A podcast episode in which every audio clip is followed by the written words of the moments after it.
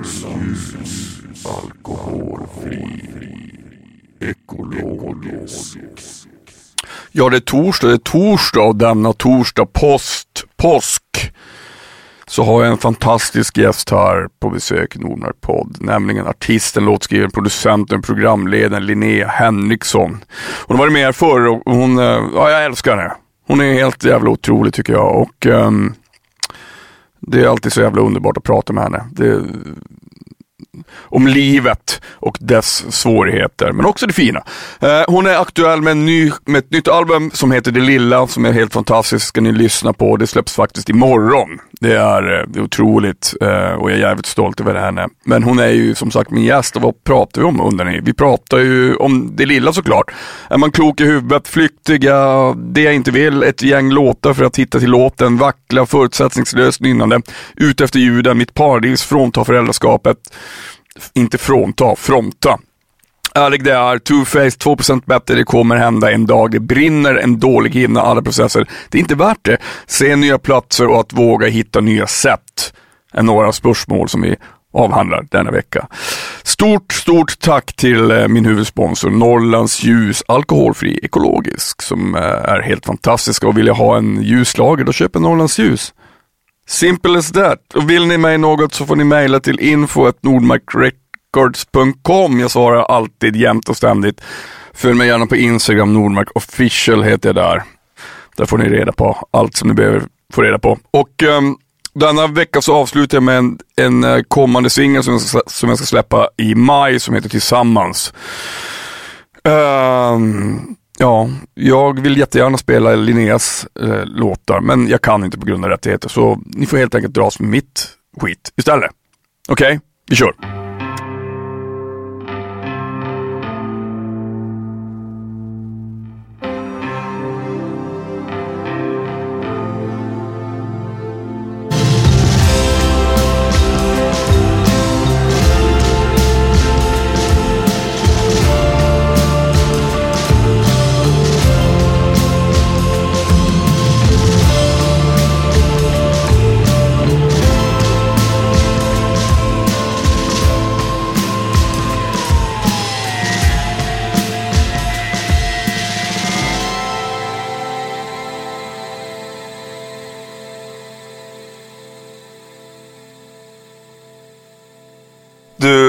Vi köra? Ja. ja. Linnea Henriksson. Tjena Per. Välkommen till Nordmark Tack så mycket. Once again. Vilken ära. Tack, ja, men tack detsamma. Du, um, det lilla, grattis till ett fantastiskt album. Hur känns det? Tack. Jag vet inte, jag får säga. Nej, jag tycker det känns jättefint. Alltså jag är jättestolt över den här skivan för att det, det var verkligen den här skivan jag ville göra någonstans. Jag hittade liksom en gammal anteckning. Jag började liksom blogga Eh, vilket blev typ i samband med att jag också blev eh, morsa. Så att, och då, det var liksom innan jag började den här albumprocessen. Men jag, liksom, jag började blogga för att jag lite var nyfiken på att se när, när börjar låta formas. Alltså mm. om jag försöker skriva lite regelbundet om saker jag tänker på eller är med om så borde jag kunna hitta låtar. Mm. Tänkte jag att så här, det är lite ett experiment för mig. Och då hittade jag nu då när jag liksom ändå, när man blev klar med skivan och började tänka på att andra ska lyssna på det. Så gick jag tillbaka och kollade och hittade för rätt exakt tre år sedan, alltså mars 2020. Då finns det liksom en text som handlar väldigt mycket om så här, men vad vill jag göra? Mm. Och då landade jag väldigt mycket framförallt i så här, vad jag inte ville göra mm. med det här albumet. Och jag blev glad att se nu i efterhand att jag höll det spåret. Mm. För att jag har ju absolut inte haft tre år av så här stenhård det var det här jag ville göra och nu gör jag bara det. Utan jag menar livet händer och det spretar. Ja. Och, och man funderar också ibland mitt i processen om man verkligen är klok i huvudet. Alltså, mm. Ja, verkligen. Men sen också, alltså, liksom, eh, jag tror det är vanligt att folk missförstår det. Att ibland så, ibland så känner man bara fan, oj, men nu har jag hittat det. Men den känslan kan ju också vara ganska flyktig. Mm. Man helt plötsligt bara, men vänta nu, nu är jag på väg bort från det från det, nu kanske jag är det, det jag inte vill göra. Ja men precis. Och också så i perioder så skri man skriver ett gäng låtar för att hitta till låten. Mm. Eh, och då kan det också vara så här, men gud nu skriver jag bara om. Jag vill ju inte skriva massa om relationer och så blev det liksom tio låtar i rad som känns mm. som att de bara handlar om det och bara nej. Det är inte alls det här albumet jag ska göra. Och sen plötsligt så kommer den där låten som ändå sitter ihop med mm. grundtanken. Men där kan man ju vackla liksom. Mm. Men kan du få någon så här när det kommer till text, alltså eller som du sa innan, att, man, att det, finns, det kan finnas någon sportsträcka också i, i, i textförfattandet. Innan Ja. man, innan man liksom bara, men okej, men det här ehm, Eller snarare finns det, är du rädd för att du ibland måste också slänga det du skriver? Ja, alltså. Jo, men nu kan jag nästan tycka att det. Jag har börjat ha i mina anteckningar i telefonen så skriver jag väldigt mycket. Innan skrev jag, eller i perioder så är jag liksom anteckningsbok och i perioder är jag telefonen. Men det här albumet är väldigt telefon och då kan man ju ändå strukturera upp att man har olika mappar och grejer. För när jag skriver till mina anteckningsblock så hamnar ju allt bara i ett kaos till slut för att man kommer på en ny låt fast sen visar sig att det det så- var den gamla låten och så ska man in på den sidan igen Ja. eller inte.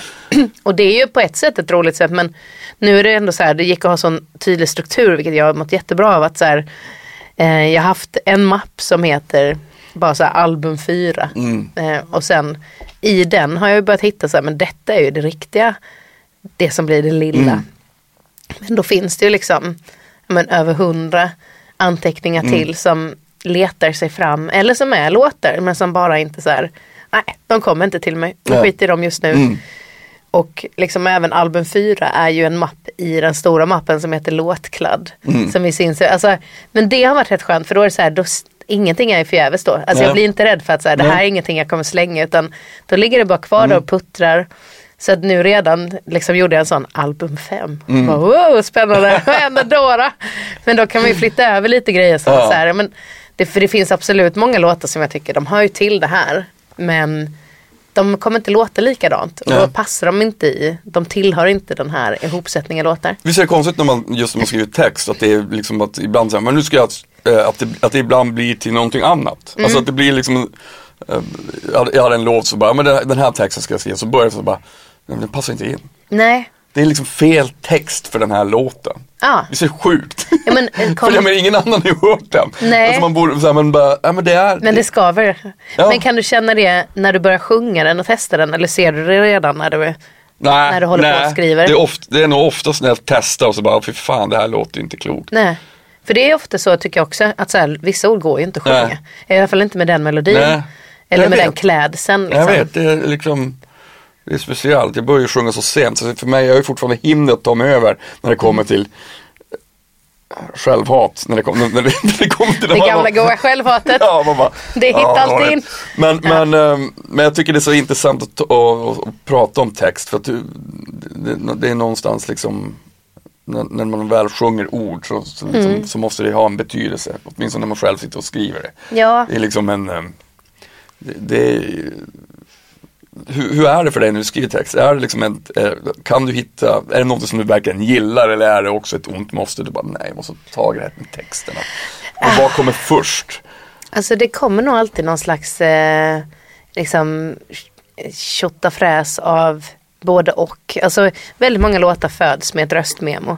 Som är liksom ändå alltså, kluddigt. Alltså det kan vara väldigt så, "Mm, så, mm, så, så, det då har du vagnen." även melodi liksom till Ja men exakt, Ja. så melodierna kommer väldigt ofta i och då kan man ju Ibland är ju ett textförfattarens sätt jag har att jag lyssnar på vad, vad låter naturligt att sjunga här. Mm. Typ jag hade en, ursäkta, en, eh, en melodi, sticket i eh, en låt som heter Du får det handla om henne. Som jag bara gick och nynnade så här, Mi corazon, na, na, na. Det var så Mm. härligt att sjunga Mi corazon. Men så här, jag har inget spanskt i mig. Jag kände inte att jag liksom kunde bära den textraden. Men då var det så här, men Mi corazon, vad låter som Mi corazon? Vi turas om. Vi turas om. Att så här, ah, för att, och det är ju inte att så här, det måste låta samma. Men, men någonstans när man sitter och bara nynnar förutsättningslöst så brukar man ju kunna hitta vokaler som är lättsjungna. Som faktiskt kommer klinga bra. Och då har jag märkt att så här, men då försöker jag hitta ord som har den typen av, ja, men lite samma typ av ljud. Eh, ja, Men, men mer ute efter ljuden än orden då. Men sen, alltså det finns ju vissa låtar som jag bara tycker att så här, orden bara rinner ur. För att man har så fattat vad poängen är med låten. Och andra låtar som är, jag har haft väldigt många låtar som är så här, det kanske är en vers och en refräng. Och så tycker jag att refrängen är inte riktigt färdig liksom, men det får vara, gå bra just nu. Sen vänjer man sig vid den där texten som inte är svinbra. Och har jättesvårt att byta ut den ändå. Och då är det så här, ska jag dessutom då fylla på med att skriva en andra vers? Det är så här, det är ju berget att bestiga. Mm, jag vet.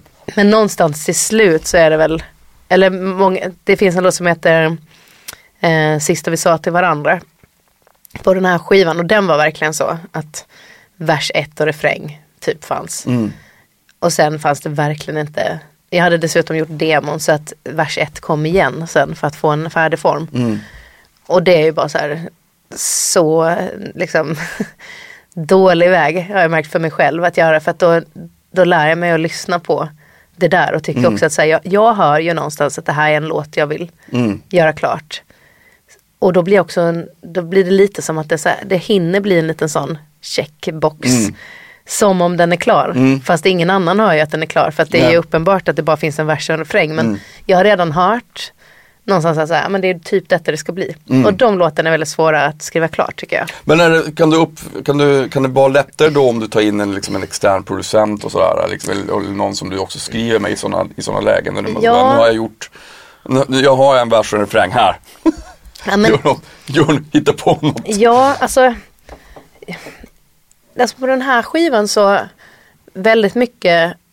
Alltså jag har inte skrivit klart allting när jag börjat liksom tänka på proddarna. Men väldigt mycket har varit färdigt Mm. innan jag började klä dem. Sen när jag jobbat just med den här skivan så har jag skrivit med lite olika men väldigt många låtar har varit att vi hade typ en session och så var det skitsvårt att få till en till session för att det var pandemi Mm. och bara tungrott. Mm. Men så var det så här, det kanske fanns en liten melodifras som var så här, men den är fin, den vill jag göra klart på Mm. något sätt. Och så orkar man inte hålla på och bara vänta in. Alltså för det har jag liksom verkligen gjort min tid av känner jag. Med mina tidigare album, att man väntar in andra för att få Ja, göra klart sitt eget.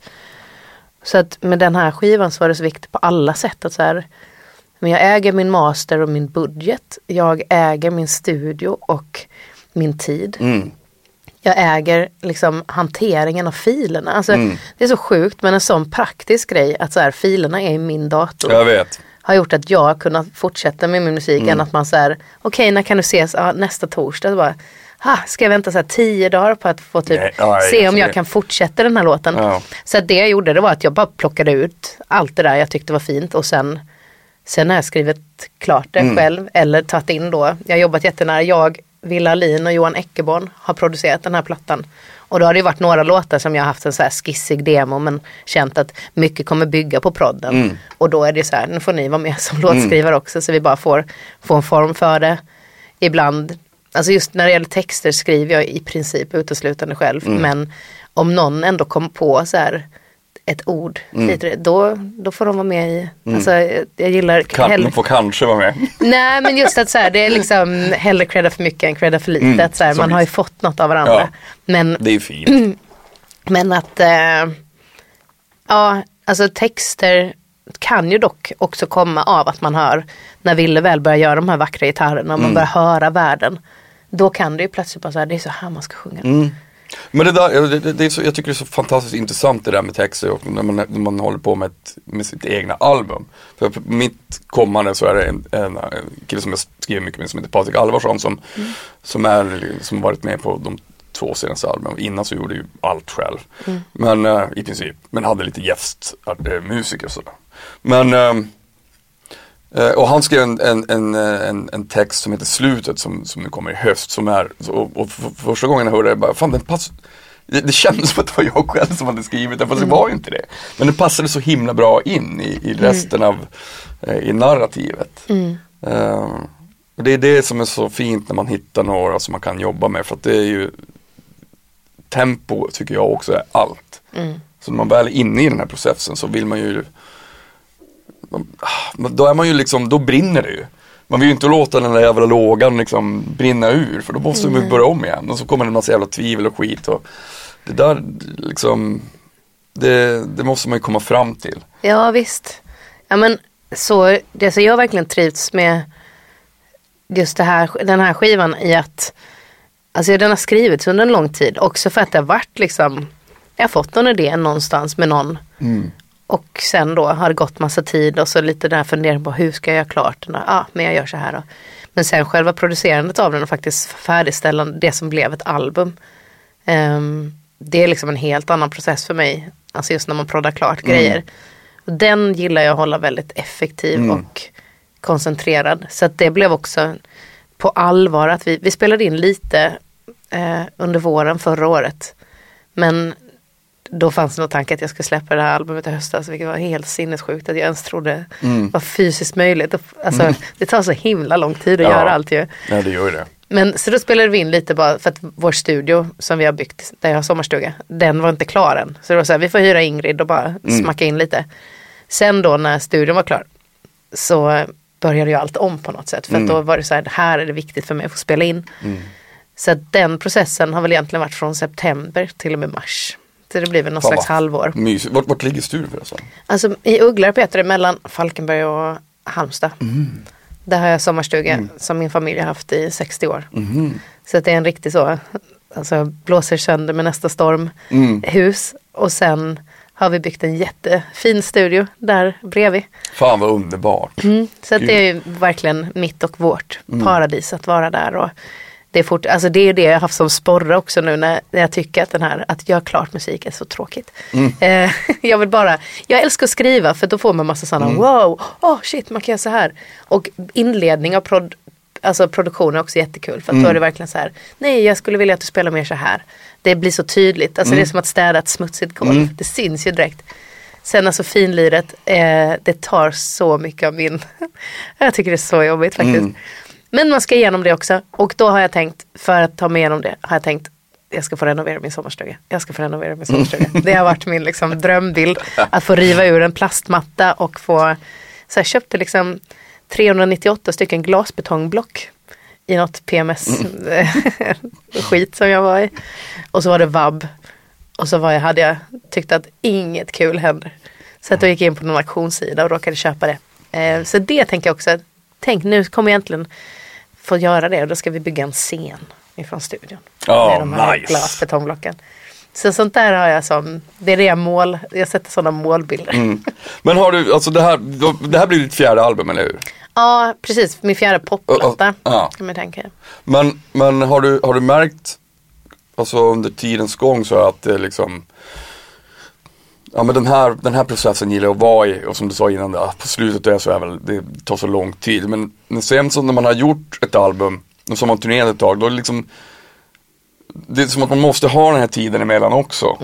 För, att annars, för sen glömmer man bort de här tråkiga delarna som känns också med att skriva när man bara, men nu kom, nu sitter jag kanske fast eller men, eh, men hur gör du när, hur gör du för att liksom hålla tempot uppe? Ja men nu så var, alltså det har varit så himla lång period av att inte skriva. Det har inte varit den fokusen alls. Nej. Alltså dels pandemin gjorde verkligen inget för mig. Ja. Alltså det dödade min kreativitet helt. Mm. Tystnad, no good. Liksom. Får jag inte ut och träffa folk eller får input av att det händer saker, då blir jag, jag är väldigt så.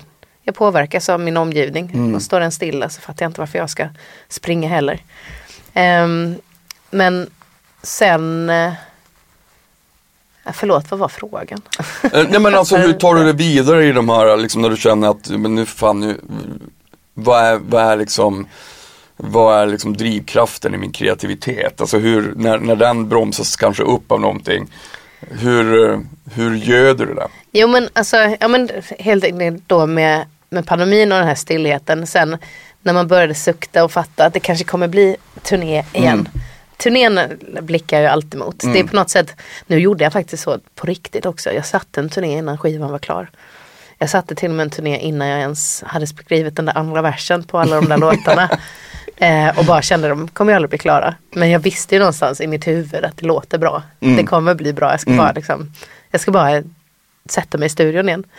Ehm, och det är ju alltid en drivkraft. Att ha ett mål med att man får komma ut och spela låtarna för folk. Och typ det, men mötas i musiken. Så det triggar ju igång mig um, jättemycket. Och sen bara så här, nu har jag varit, alltså, jag har varit rätt strukturerad med att jag, men det har jag gjort tidigare också, men att jag sätter upp post-it-lappar och sätter upp mina texter och kan granska vad handlar de här om då? Har de någonting gemensamt med varandra eller är de helt fristående? Jag var liksom, men som sagt rätt bestämd på vad jag inte ville göra innan jag var bestämd på vad jag ville göra Mm. med det här albumet. Och det var viktigt för mig att jag ville göra ett album som satt ihop tillsammans. Mm. Och inte göra ett album där det bara är så här, ja ah, nu skrev vi en låt, då blir det nästa. Ja, jag vet. Utan så här, när det ändå hade gått så lång tid Mm. som det hade börjat göra där. För detta var ju då för tre år sedan som jag verkligen så här, okej aktivt, nu ska det bli en ny Mm. skiva. Då hade det redan gått typ två, två och ett halvt år sedan Mm. Den där förra skivan. Och det är lite så här, nej, nu har det redan gått för lång tid Mm. för att hålla uppe något flås. Då kan jag verkligen så fundera ett varv, vad är det jag vill göra härnäst? Mm. Vad är det som ska komma ur mig nu då? Men det kan, kan du känna så här att, känner du att du måste ha något tema inför varje skiva? När du, när du liksom börjar med textförfattaren? Ja, alltså jag försöker väl skriva bara så här det som finns i mig. Och detta albumet började precis som tidigare album att jag var lite så här okej, inspiration, finns det någon, ska man jobba med någon bara för att så här, Mm. få lite nya inputs och just att man gör lite sessions och sådär. Så kände jag att nej, jag jobbar inte så längre. Ja. Ehm, och gick och längtade efter den här egna studion och egna platsen. Och just alltså själva temat och vad det här albumet skulle bli tillsammans. Det har nog fötts ja, men, typ i september att det verkligen så blev tydligt för mig också. Mm.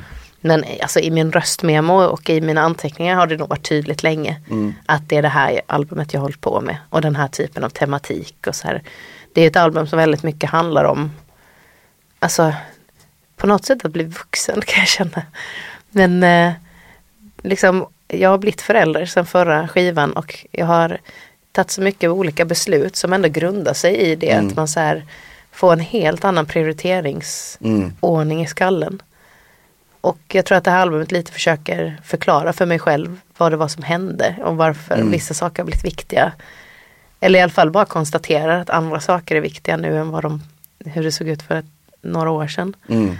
Ehm, och det hade jag väl kanske inte riktigt på känn. Jag var nog snarare där när jag började skriva på detta albumet. Jag var inte, det är liksom nästan för privat för mig att Mm. prata om typ eller prata om mitt barn. Att prata om att vara förälder tycker jag inte är lika privat. Jag tycker alltid Nej. det är spännande att fundera på varför man känner vissa saker. Mm. sånt. Men liksom familj och, och sånt. Det märkte jag verkligen blev ett rätt tydligt när jag blev morsa. Att jag nästan så här ville stänga dörren om mig Mm. helt. Jag fick till panik när vi gjorde vårt första gig. Då var min son två månader. Vi var ute på en sommarturné och vi spelade i Kramfors. Och jag minns när vi gick in i den hotellobbyn att jag fick verkligen nästan så här klaustrofobikänsla. Mm. Så här, jag vill inte visa upp mitt barn. Nej. Av någon konstig, jätte så här flipp i skallen. Att jag bara säger nej just det, jag har ett jobb som gör att folk, alltså jag bara kände så här, jag vill inte ha in han i, Nej. i någonting han inte har valt. Nej. Och att det är också väldigt mycket idag att nästan, för det var också något jag märkte, också kanske för att jag hade börjat blogga precis. Men jävlar vilken industri det är Mm. att bli förälder. Mm. Och vad många det finns som, alltså där det nästan blir en del av ens fortsatta yrkesliv. Mm. Att även fronta föräldraskapet. Och det är så här, alla får göra precis som de vill men det funkar inte för mig. Nej. Eh, däremot så kan jag känna att det nästan känns viktigt i min Alltså musik, att fortsätta vara ärlig i form av var man är Mm. någonstans. Men, men jag vill liksom inte tvinga in någon annan i, Nej, jag i allt och- annat också. När man är så där liten så har man inte, kan man inte göra det i valet. Det är ju det. Nej, exakt. Det blir, liksom- det blir, det, alltså, jag, jag, alltså, folk får, ja, fast jag tycker också att det blir lite smetigt. Alltså, Ja. vet, så här, det, det, det är liksom, ehm, Ja, men jag tycker överlag att det är rätt, alltså om jag ska vara rent ärlig så tycker jag det är rätt obehagligt när det Mm. bara känns som att så här Alltså jag fattar ju 100% alla som, man vill bara lägga ut grejer på sitt barn. Mm. Så var det både när jag fick unge och när jag skaffade hund. Mm. Vill man egentligen bara lägga ut bild på sin Kolla hund. Ja men att man bara säger det är så himla gullig. Jag har Ja. förstått, jag har förstått, jag har förstått. Mm. Men, men sen, alltså bara så här rent krasst. Jag blev, jag har liksom alltid känt att man, man vet inte alltid vem man lägger ut Nej, saker nej, för. såklart. såklart. Och liksom, det har varit nu några sådana fake-konton som liksom Mm. an, ja, men utger sig för att vara jag Mm. på Facebook och hör av sig till folk och använder då bilder jag har lagt ut i olika sociala medier för att liksom bekräfta, alltså då försöka få det att verka som att det är jag som Mm. skriver. Och där blev jag verkligen så här, just det, det är därför jag inte lägger ut bilder på mitt barn. Ja. Mm. För det skulle vara så fruktansvärt, Ja, kände jag. Fan. att se min unge på bilder när någon låtsas vara Men hur mig. orkar folk? Det är Nej. helt sjukt ja, det är jätte, alltså. alltså. gud vad, vad mycket tiden hade kunnat lägga på vär- värdefullare saker. Men där, sånt kan jag liksom känna och då var det så här att börja skriva då musik om det. Mm. Och det finns, alltså den sista låten på plattan som är som någon slags outro, vem kunde tro det är ju, alltså jag så skriver jag ibland att det verkligen är så exakt den situation som man har varit i. Ty- Det där är ju rummet på SÖS när man Mm. såg solnedgången i fjärran bortanför husen Mm. och bara sen den overkliga känslan och lyckan av att så här, att jag kunde bli gravid och att mitt barn liksom föddes friskt. Mm. Och liksom, alltså man bara så här, det är sån otrolig tacksamhet. Mm. Och det kändes ju så här, jag måste ju kunna skriva om detta. Mm. Och så har jag liksom gått runt lite så här, men åh, hur ska jag liksom förhålla mig till detta nu? För jag vill egentligen inte prata om det. Men sen bara märker man att det är det enda man Alltså det är det enda jag bryr mig om. Mm. Och kommer bry mig om för resten av mitt liv. Ja. Men den där balansen då i vad man Men också Ja. så här, men det finns också en rädsla också i allt det här, liksom i det här som är så sublimt. Mm. Alltså när, när det drabbar en i, i livet såklart. Uh, oavsett om det är liksom lycka eller om det är olycka. Visst. Um, hur, eh, vi ska först, vi ska, det ska vi också prata om, men jag tänkte också Mm. vi ska prata om titeln på skivan. Ja. Lilla. Um, varför, um, varför valde du det? Ja men jag gick runt faktiskt med två arbetstitlar. Som jag, för det var när jag började så här, göra de här post-it-lapparna och såg att vad det var för teman helt Mm. enkelt som låtarna någonstans ändå handlade om. Och då var det också, jag hade haft en låt också rätt länge som jag aldrig kom vidare med. Som bara var som ett intro.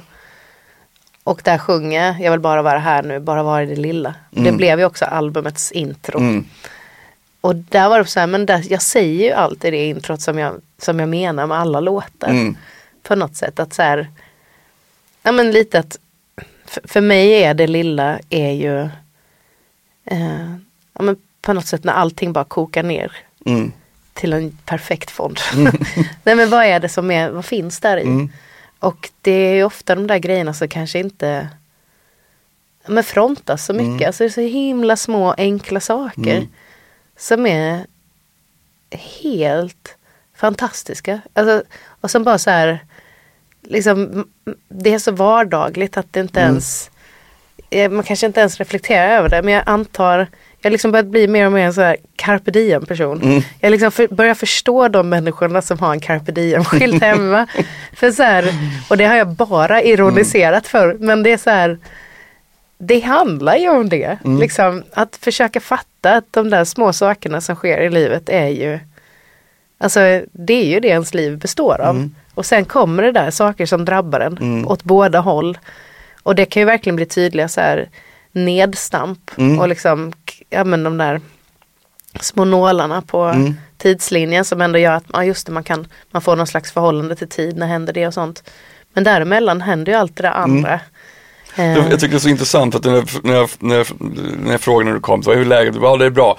Och så tänkte jag på så här att i, igår hade jag en sån jävla dålig dag. Men Bra, så hade jag en jättebra dag. Det var liksom egentligen ingen skillnad på igår och idag. Förutom att jag var ute och sprang i morse. Och det, liksom brukar vara, det, kan, det kan vara de där 2-3 procenten som gör att det blir, liksom, att det blir ganska downhill. För att det jag kan bli liksom drabbad av pessimism ibland. Det bara, ah för fan, ja, det här blir svårt. Eh, det här kommer inte, det kommer säkert inte gå. Men det kan också vända till att bli liksom väldigt positivt. Alltså så two-faced är jag. Men- jag är också, men- alltså men- 100 procent. Jag tänker att det verkligen kan ta slut Mm. imorgon, Ja idag. men precis. Alltså så att det är så här, Och därför dagen- köper jag mer glass idag också. Ja, ja men också sen dagen efter så bara, fan ja, vilken underbar dag. Ja. Och det är liksom någonstans där jag ville landa, liksom att hur, eh, hur, hur eh, det är så speciellt att liksom att tackla livet. Eh, det, är, det är det för alla. Eh, och ibland har man mer tur än, än, än, än många andra och, liksom, och, och vice versa. Men just liksom att hitta den här eh, någon slags medelväg för att liksom hitta någon slags så mycket lycka som möjligt. För att det liksom, man kan tro att det är de här stora händelserna också, liksom, som, som, om det är jobbmässigt, men liksom kärlek, mm, möten och allting, sånt som man alltid kommer ihåg som gör att det är det som gör en lycklig. Men det, är- det, det är ju inte det. Det är ju liksom den här, äh, som du säger, det är den här, den här balansen eh, och vad det innebär att, eh, att göra det bästa av sin dag.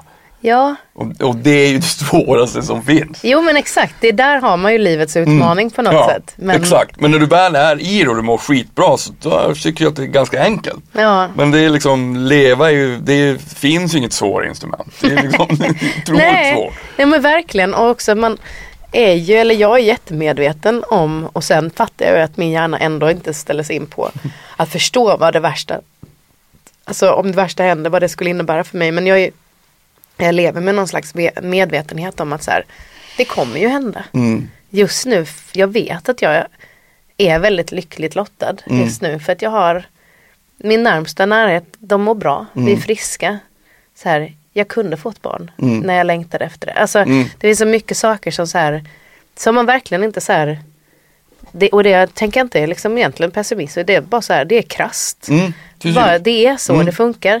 Ehm, och att man så här, men bara typ, mm, det, det är klart man ska, men man ska få vara lycklig över det man har. Ehm, punkt. Mm. Alltså lite, Ja, men jag vet. Ja, det, är- det, det, det är ju också världens svåraste grej. Men man, man, blir, man slås ju av den eh, också ibland när man, är- när, man, när, man- när man är med om någonting som är kanske tragiskt. Eller liksom även någonting som är positivt. mm, Men, men just den där liksom eh, eh, känslan av, eh, av, av, av vetskap om hur, hur livet kan vara som också är liksom så jävla flummigt. mm, Eh, det är ju det är så fascinerande. Ibland tänker jag så att när jag är som krassast så tänker jag så här, undrar hur många som tänker på det här. ja, ja, Alltså jag tycker att jag tänker på det kanske för ofta ibland. Jag bara, men det här, eh, jaha nu har jag liksom levt, förmodligen har jag levt hälften av mitt liv liksom. Och så, så, man börjar tänka i sådana banor, eh, snart kanske mina föräldrar inte finns. Eh, min syrra, ja, alltså hur länge har vi kvar? Alltså vet att man, man också funderar över, över vad livet eh, och döden är, fast man ändå är mitt i livet. Alltså ibland så kan jag också bara tänka att, men hur, Att man ska, så här, skit i det, lev istället. Ja, exakt. jo, men men, jag också samtidigt tycker att det, ja, men jag lever verkligen. Alltså jag, Ja. jag tycker verkligen att jag eh, lever ganska mycket i nuet. Så. Mm. Men det där är för att idag har vi också så otrolig mängd information vi får Mm. konstant. Alltså så här, också med liksom sociala medier och sådär. Att det var också lite det hur jag liksom landade i att så här, det lilla. Att jag märker att jag, alltså man får konstant massa, massa, massa Mm. intryck. Och ens flöde fylls, alltså det har varit den här sjuka scrollen av att liksom så här, en skog som brinner Mm. och sen liksom så här fruktansvärda saker som hände i Iran. Sen någon som bara så här lägger ut så här, man måste få vara snygg också. Så Mm. kommer det så, alltså det är bara sånt jävla kaos av liksom, och så här, inget är rätt, inget är fel. Det är bara, alltså det bara, det bara finns där liksom, så att man inte ens just hinner reflektera över Mm. Nej. vad tycker jag om detta då. Ja, Utan, precis. och då kände jag också bara så här, men jag måste ner till så här kärnan. Mm. Så här, för jag, jag, snart tappar jag bort mig själv, jag, det irrar runt för mycket. Mm. Och att man bara hittar en kärna då som man ändå känner att här står jag rätt stabilt. Mm. Då känner jag också att jag kan ta emot mycket Mm. mer av då Men jag menar, man- omvärlden igen. Mm. Men jag tror att också så här, det, det, alltså om man tänker på hur mycket ne negativt man blir matad av så här. Mm. Om, alltså, om det verkligen är, alltså, man, ja, vi vet ju om att världen i princip står i brand. Mm. Alltså, men, men tänk om man faktiskt bara liksom försökte, om alla bara tänker så här, men, men nu ska vi fan vända på det här. Mm. Vi, kan ju, vi kan ju fan, fan vad bra vi är. Mm. men, istället, men man blir liksom hela tiden negativt matad också så det finns en så apokalyptisk känsla konstant. Mm. Eh, Ja exakt och sen kommer den hela tiden, nu är det någon himla våg av att alla ska man har minsann rätt att Mm. eller man ska få unna sig eller man har gjort en, en bra grej då kan man skita i det sen. Mm.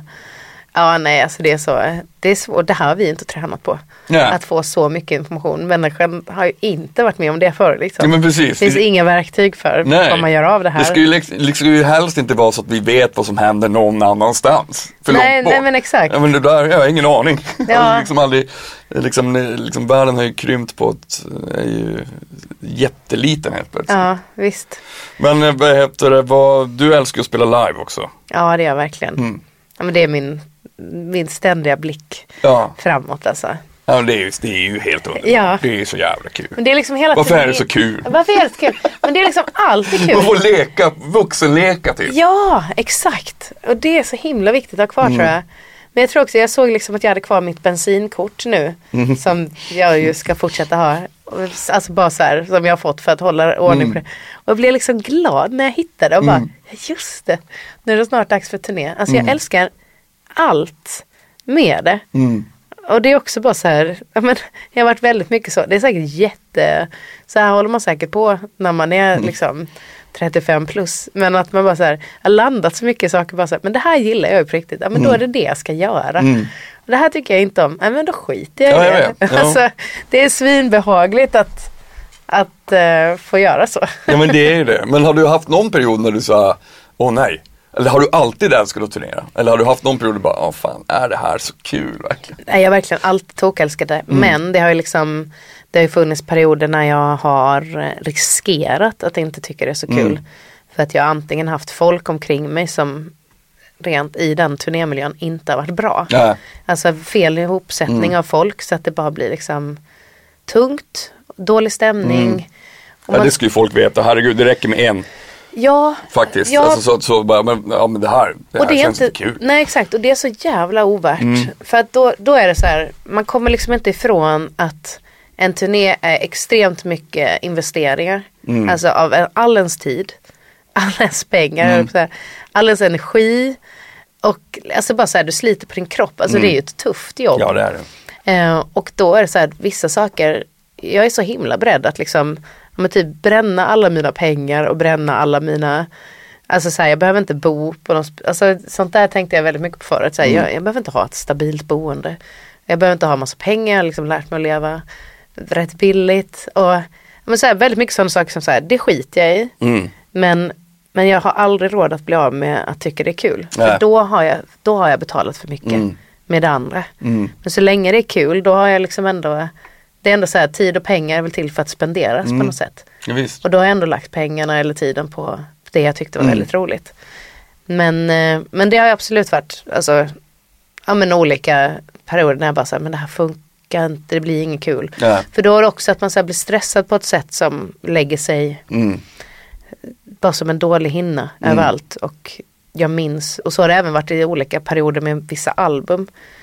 Alltså jag har gjort, liksom försökt utvärdera för mig själv alla processer man går in i. Om det är en turné eller en skiva eller något annat. Att bara det får, det, det är inte värt det. Man tänker inte tillbaka på det som något Nej. trevligt och det, det är fan att förlora. Mm. Jag tror att man måste ibland, äh, tror att du måste ha gått igenom de processerna. Alltså för att, alltså man, ja men det här, ja, det där var ju hemskt, det vi, där vi inte var igen. Men jag menar, är det någonting som alla vi som håller på med det här måste gå igenom tror du? Ja, men alltså till viss Lite del. så? Ja, kanske lite för att alltså, vissa grejer att så här, ibland kan det bara vara så här men den här turnén blev för lång. Mm. Alltså man känner så, bara, man orkade inte fysiskt. Eh, det visste man inte om innan man satte igång att det skulle kunna bli så. Nej. Men, men vissa grejer, alltså typ Alltså ib- ibland har jag nog bara så här gått på vad andra tror är bra för mig. Än Mm. att bara säga fast magkänslan säger att jag inte Men det är väl också en viss, en viss ålder, kommer mitt första band med, med Farsa, då turnerade vi också i USA och Europa. På, Mm. ett, på ett år gjorde vi över 200 gigs. Och det, det, var, det liksom gjorde ju att man började inte tycka det var så kul längre. Nej. Eh, och det, jag förstår att folk liksom vill, som investerar liksom i, vill att det ska funka och sådär. Men det är också en viss ålder som man verkar, verkar göra det också så med artister. Mm. Att man, att man bara, men de här, de pallar ju vara ute hur länge som helst. Åtminstone förr tror jag att det var så. Mm. Men jag tror att det är liksom det, det är lätt att man går i den fällan fortfarande i en viss ålder. Så här. Jo men det är det nog. Alltså jag har ju också så här, vissa grejer som jag bara så här, skulle aldrig hela mitt liv acceptera det. Och typ råkar jag överhöra ett samtal om att någon annan ska göra det så säger jag till. Mm. Och alltså så har det varit rätt mycket. Alltså jag, vi gjorde en sån här idiotresa från, vi hade spelat på natten i Åre. Och så skulle vi till ett soundcheck på Petri Guld dagen efter Mm. i Göteborg. Bara det är ju så här, men den resan tar sin tid att köra. Liksom från Åre, januari. Mm. Eh, och vi har fått då, ja men de skjuter fram eh, skitbra, skitbra, allt är löst för att de har skjutit fram ert soundcheck till typ 11 istället för att det var 9 eller något sånt där. Man bara, men vad är det ens? Alltså, det är väldigt många vuxna, erfarna människor som är med och tar de här besluten då. Att liksom de här 25-åringarna ska få en chaufför som kommer till Åre så att vi kan sova lite i bilen. Som om också det var så här, vi har löst det, det är Ja, jättebra. ja. Och så kör de ner då och så, jag tror att det var i alla fall tre fartkameror som Mm. fotade föraren för att han körde för fort. Och att köra på de vägarna Mm. för fort i januari är ju så här, det är ju liksom, det är ju på riktigt Ja, livsfarligt. ja, det är det. Och att, det är det. att folk bara tycker det är så här rimligt. Mm. Att det är inte så, den riskfaktorn har inte någon ens det är som att den riskfaktorn var inte ens med i besluttagandet utan det som har varit med i besluttagandet det är så här Kommer de komma fram i tid till Mm. sitt soundcheck? Eh, kommer de, ja, men om de åker på natten, går det att fixa då en chaufför så att de får sova lite? Mm. Det är ju schysst. Alltså s- som att så här Alltså det tycker jag ändå är, för det är sådana grejer jag är stennoga med nu. Att liksom vi kör inte med för tunga bilar. Vi, eh, det ska so- alla ska ha ett eget sovrum. Mm. Eh, det ska vara schysst betalt annars får vi ta in färre folk. Mm. Eh, det är jag som tar risken. Alltså att man bara ja, lite, man har blivit vuxen. Mm. För det kan jag ändå känna att så här, men det har jag inte. Nej, jag, vill, jag orkar inte allt Nej. man gjorde innan. Och jag tycker också att alla branscher där man måste jobba sig upp. Alla har garanterat gått igenom, alltså gjort sina prövningar redan. Ja, hundra, her, herregud. så de behöver inte göra det i varje band. Nej. Liksom.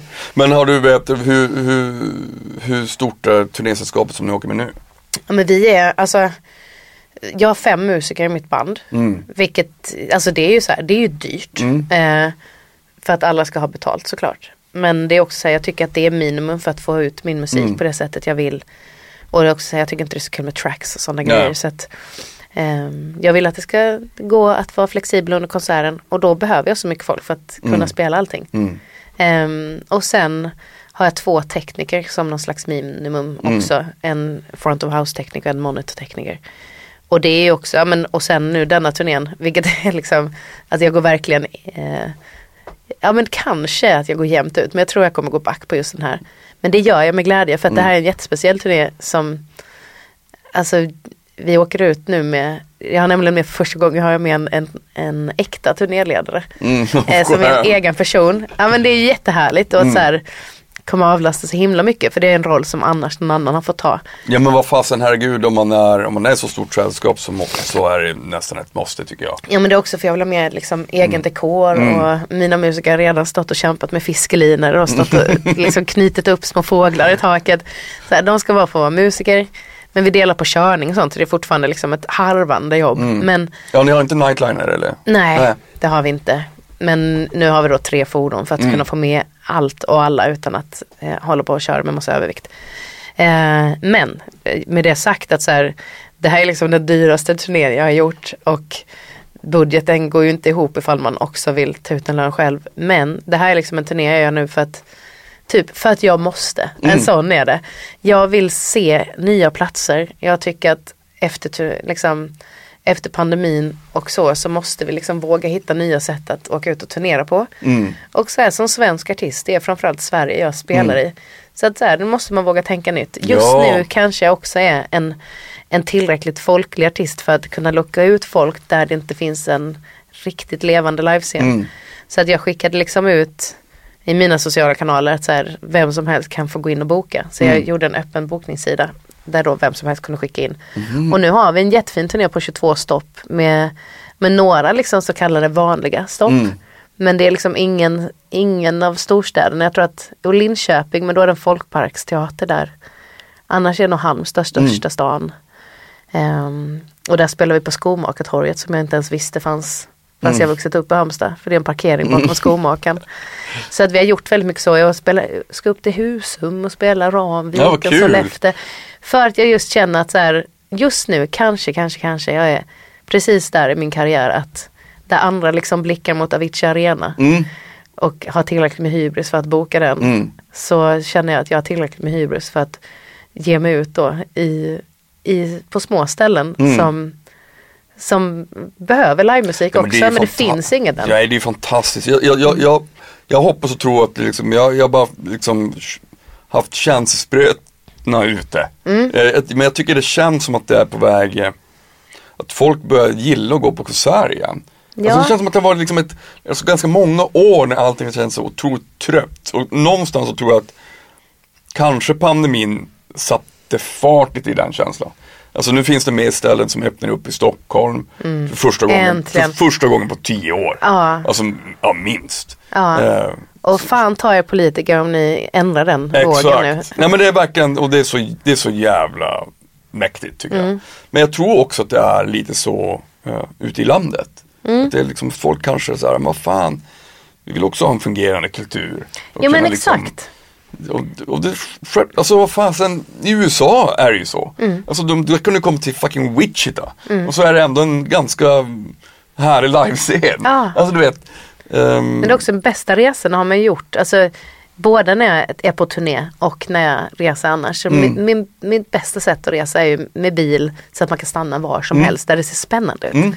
Och då har det också varit så på, på turné i Sverige att man kör förbi massa ställen som Mm. bara Kolla vilket fint Folkets hus. Så bara, det används inte längre. Eller så används det fast ofta i, i liksom regi av någon, Mm. av någon instans som har liksom fått ihop det där. Men typ det fria musiklivet Mm. gör ju inte den här typen av turnéer längre. Och jag kommer ju ändå ifrån så här jazz och liksom eldsjäls Mm. eh, liksom, kulturen.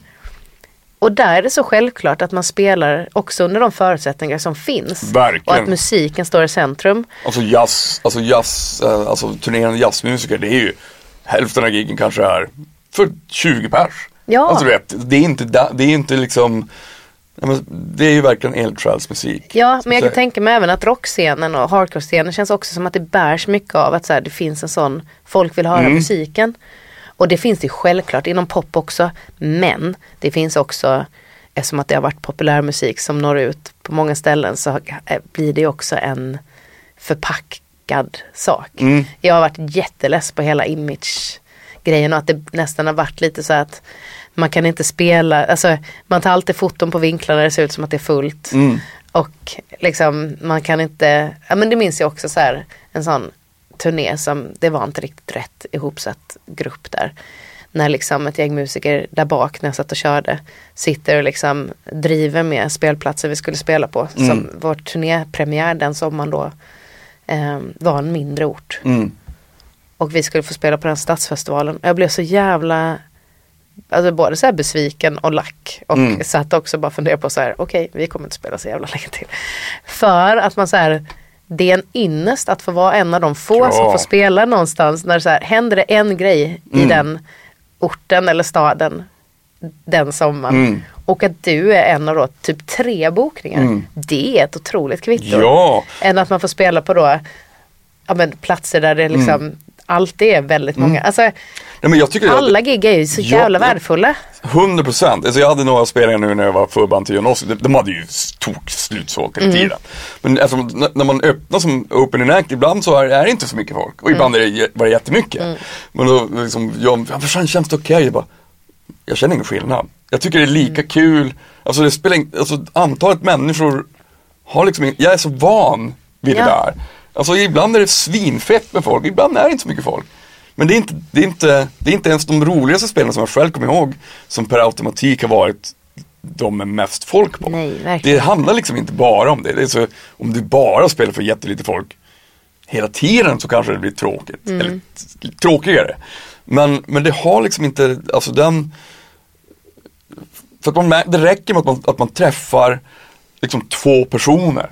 Som, alltså under, under speltiden som man bara, men fan de här, de här når jag till. Mm. Alltså de, de, för, de förstår det här språket. Ja, visst. Och det, det är liksom, det är det finaste som finns. Det är, det är ju, det är ju så jävla mäktigt. Ja, men det är också så himla häftigt att så se vilka man spelar för i slutet. Mm. Alltså så här, vilka har kommit till eller typ vilka har börjat lyssna. Mm. Jag har också älskat det att få vara förband och även det som brukar prata så mycket skit om med företagsgig. Mm. Det är en av mina roligaste. Alltså för att alla gig har så olika eh, syfte. Ja. Alltså mina egna spelningar när jag också säljer biljetter eller är liksom en huvudakt någonstans. Att så här, då fattar jag att folk kommer då för min Mm. musik och att jag ska sätta ihop någonting som, ja men erbjuda någonting som känns väldigt jag. Eh, och sen då förbandsgiggen då är det på något sätt, folk har inte kommit dit för min skull men jag kan lyckas få några med mig. Mm. Och det är rätt coolt att se att man så här, lyckades få med Ja. sig någon. Och sen då de här företagsgiggen som är helt olika förutsättningar varje gång. Och Mm. där kan det ju vara inte bara att folk inte har kommit dit för din skull utan det kan vara folk som har verkligen inte kommit dit ens för festens skull. Mm. Som bara är dittvingade. Och det tycker jag också är så himla spännande Mm. att ställa sig på en scen och se att så här, okej den där människan Alltså den är så sur på att jag ens går upp på scenen för att den ville bara hem och Mm. liksom ska jag upp och spela nu betyder det att den kan inte gå hem på en halvtimme till. Men vet du vad jag tycker är så Men fint också? då där? älskar jag det att det bara så här, okej men hur, hur ska jag få dig att ändå så här, få med dig någonting här? Men det, det finns också en annat fint tycker jag som är Alltså det, det, det, är väl, det, är ju hemskt för de artister, en del, jag, känner en del kollegor som, som aldrig blir av med nervositeten som jag bara, jag ifrågasätter mig hela tiden. Men just det här att, liksom, att göra någonting av, av sin tid när man är där, för att det är, man, man tar ju också de andras tid, alltså de i publiken som du säger. Ehm, att, att alltid vara liksom det här äh, inpräntat i sig att vad du än gör, alltså du, det, det behöver inte alltid gå bra, men du ska alltid göra ditt yttersta. Alltså, allt, jag, så att man ändå när man går av från scenen så bara, fan det var inte, det var inte bäst idag men ah, jag gjorde ändå mitt bästa. Visst. Alltså, det, liksom, det, det finns något fint, det finns något, något hedervärt i det. Som jag tycker är liksom så jävla viktigt. För då, man, då kan man alltid liksom vara stolt över att men jag, ja, men jag, gjorde mitt, jag gjorde mitt yttersta. Ja. Jag hade pluggat på de här texterna tillräckligt mycket. Ja men precis. Eh, Ja, men sen, man, det är klart man kommer göra dåliga spelningar. Så- så är det Och bara så här, det, en jättejobbig känsla när man står på scen är när man känner att men jag är fel person Mm. på plats. Alltså när, man, när man anar att så här, alltså inte bara att man kan då se att så här, de vill inte ha detta utan man bara märker hela rummet är så här, jag ska inte spela, alltså den här musiken funkar inte här. Jag är inte rätt i sammanhanget och det är svårt för mig att liksom göra, Mm. Det är ju alltså man kan inte ändra alla förutsättningar. Och det är ju liksom, ja, det, det kan vara så tufft. Men då, det är ju bara olyckligt. Alltså då är, man, ju- då är det liksom bara så här, det här, Ja, det är så det här här, är en sån ingen. Liksom. ingen mår bra just Nej, nu. nej, liksom. Men, eh, ja. Det ska ni veta ni som håller på, ni kommer alltid komma till några sådana. Ja, alltså, ja, men också när man bara märker att, ja, men typ så här, om det är ett gig där det är där, där publiken blir obekväm på något sätt. Att bara rummet är inte bra. Mm. Alltså, det är för stort för så mycket folk som har kommit. Mm. Eller, eller att det är liksom för stort för den typen av musik man har. Eller bara så här, jag har gjort några gig där det varit liksom, man har fattat när man kommer dit att så här, arrangören har en, en vision om att det här ska vara ett lugnt och stillsamt sittande gig. Typ. Och så är det så här, men jag röjer. Mm. Jag kommer se ut som en liksom elefant som, som bara så slänger med snabeln, bara slänger, liksom tar sönder alla saker. Folk kommer bli rädda och obekväma. Alltså det är ju bara så här, "Åh, vad gör vi då? Och bara, ska vi byta om allt? Så bara, nej det kan vi inte göra, då får vi göra de här låtarna. Och så jag minns en gång när jag spelade i Kiruna och det var sån jäkla tokfylla. Vilket är så konstigt där mitt i sommaren. För att det är Var det tid- Kirunafestivalen? Ja, precis. Och det är ändå så här. Det känns ju som att det är jättetidigt för det är så ljust. Man är ovan vid det. Mm. Det och så är folk så himla ja. packade. Men då var det, för då var det också så här, nej, nej, nej, nej, nej, nu kommer balladen, nu kommer balladen, nej, nej, nej, nej, nej, det kommer inte funka. Men då är det också så här, ibland lyckas man ju få, ibland lyckas man absolut inte hantera en sån situation. Men ibland kan man istället få så här snilleblixten som Mm. gick hem. Så då var det så här, då fick jag hoppa ner i publiken och jag, för de här kidsen tog så mycket plats. Mm. Och jag kommer liksom inte kunna stå och sjunga. Det var en låt som jag dessutom började helt a cappella. Mm. Så jag kände också att folk började störa, alltså nu vet också när man kan se att publiken tittar åt ett håll Mm. hela tiden att det här är stökigt. Så då fick jag hoppa ner i publiken och så bara fick jag dem att sitta ner. Mm. Och bara så här.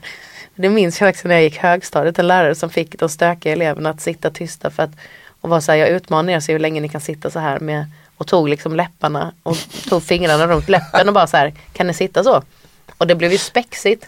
De tyckte också så här, vad är det för knäpp idé liksom? Men han gjorde det så harmlöst. Så att jag liksom tog lite hans taktik där. Men att bara så här, klarar ni att sitta i den här låten? Så då satt jag i den ringen och sjöng. Mm. Och det blev ju jättefint. Alltså, och också, alltså efter det så var, kunde jag ju typ bara titta på dem och de var så här, förlåt, förlåt, förlåt. Ja. men det är någonting, det ja men det är också det som är så fint när man, när man stått på en scen tillräckligt många gånger att man också vet hur man ska hantera vissa situationer. Mm. Alltså liksom hur man eh, Det, det är ju det är, det är fantastiskt. Ja, men det är därför jag också känner att vi måste luckra upp lite idén av hur en, typ då, till exempel en popturné Mm. ska se ut. Vilka stopp man gör, vilka typ av spelställen man gör för att det kan bli så himla liksom skört ifall Mm. man bara kan ställa sig på en viss typ av scen för det måste vara, kunna vara en viss typ av ljusrigg Mm. Och rök och liksom hela det här det är såklart skitläckert med en snygg show. Ja, Men någonstans vill man ändå, eller jag vill i alla fall komma ner till att det ska kännas lika mäktigt och svulstigt om det är på en, liksom, en bygdegårdsscen. Att, Mm. att allt behöver inte sitta i presentationen. För då blir man just, tänker jag så, då kan det vara så små saker som plötsligt bryter magin och gör det ehm, Ja men att det ändå, att det liksom Mm. faller i det. Så att, ja men det viktigaste som finns är ju ändå, det- kommer i slutändan till närvaro. ja, det är, det är, så är det ju liksom. Men du, eh, nu börjar ju turnén snart då. Ja, ett, åh gud det ska bli Vart, eh, underbart. Men ska ni spela i Stockholm? Nej, Nej, ni ska inte det. nej, det är för stort. Det är för stort. Nej, men Det det, kommer, det kommer ske. men jag ska faktiskt spela i Stockholm i juli. Mm. Men eh, nu den här svängen som jag kallar för den lilla turnén. Mm. ehm, det blir inte Stockholm.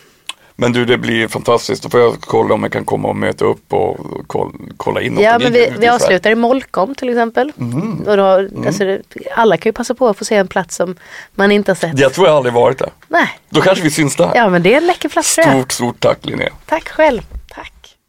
Stort, stort tack till dig Linnea Henriksson och glöm nu inte att lyssna på det lilla. Helt otroligt och ehm, ta hand om er. Nu kommer vi tillsammans. Puss. Tillsammans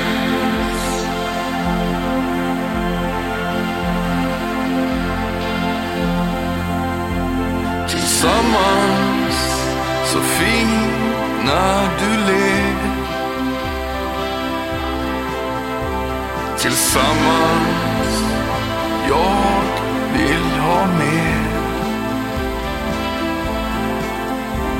Tillsammans i tiden vi är. Tillsammans som jag håller kär.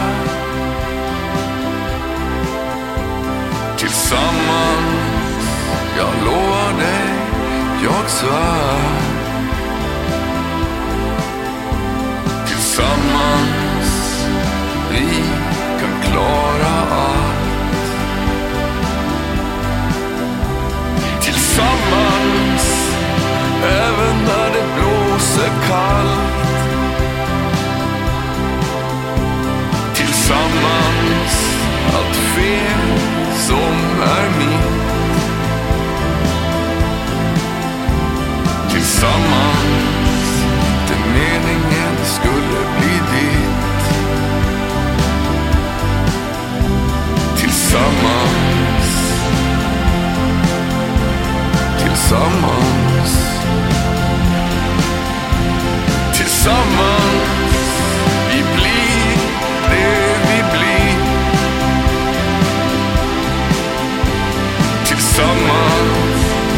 Så som det frias liv Tillsammans vi blickar mot skyn. Tillsammans bort från den här jävla byn.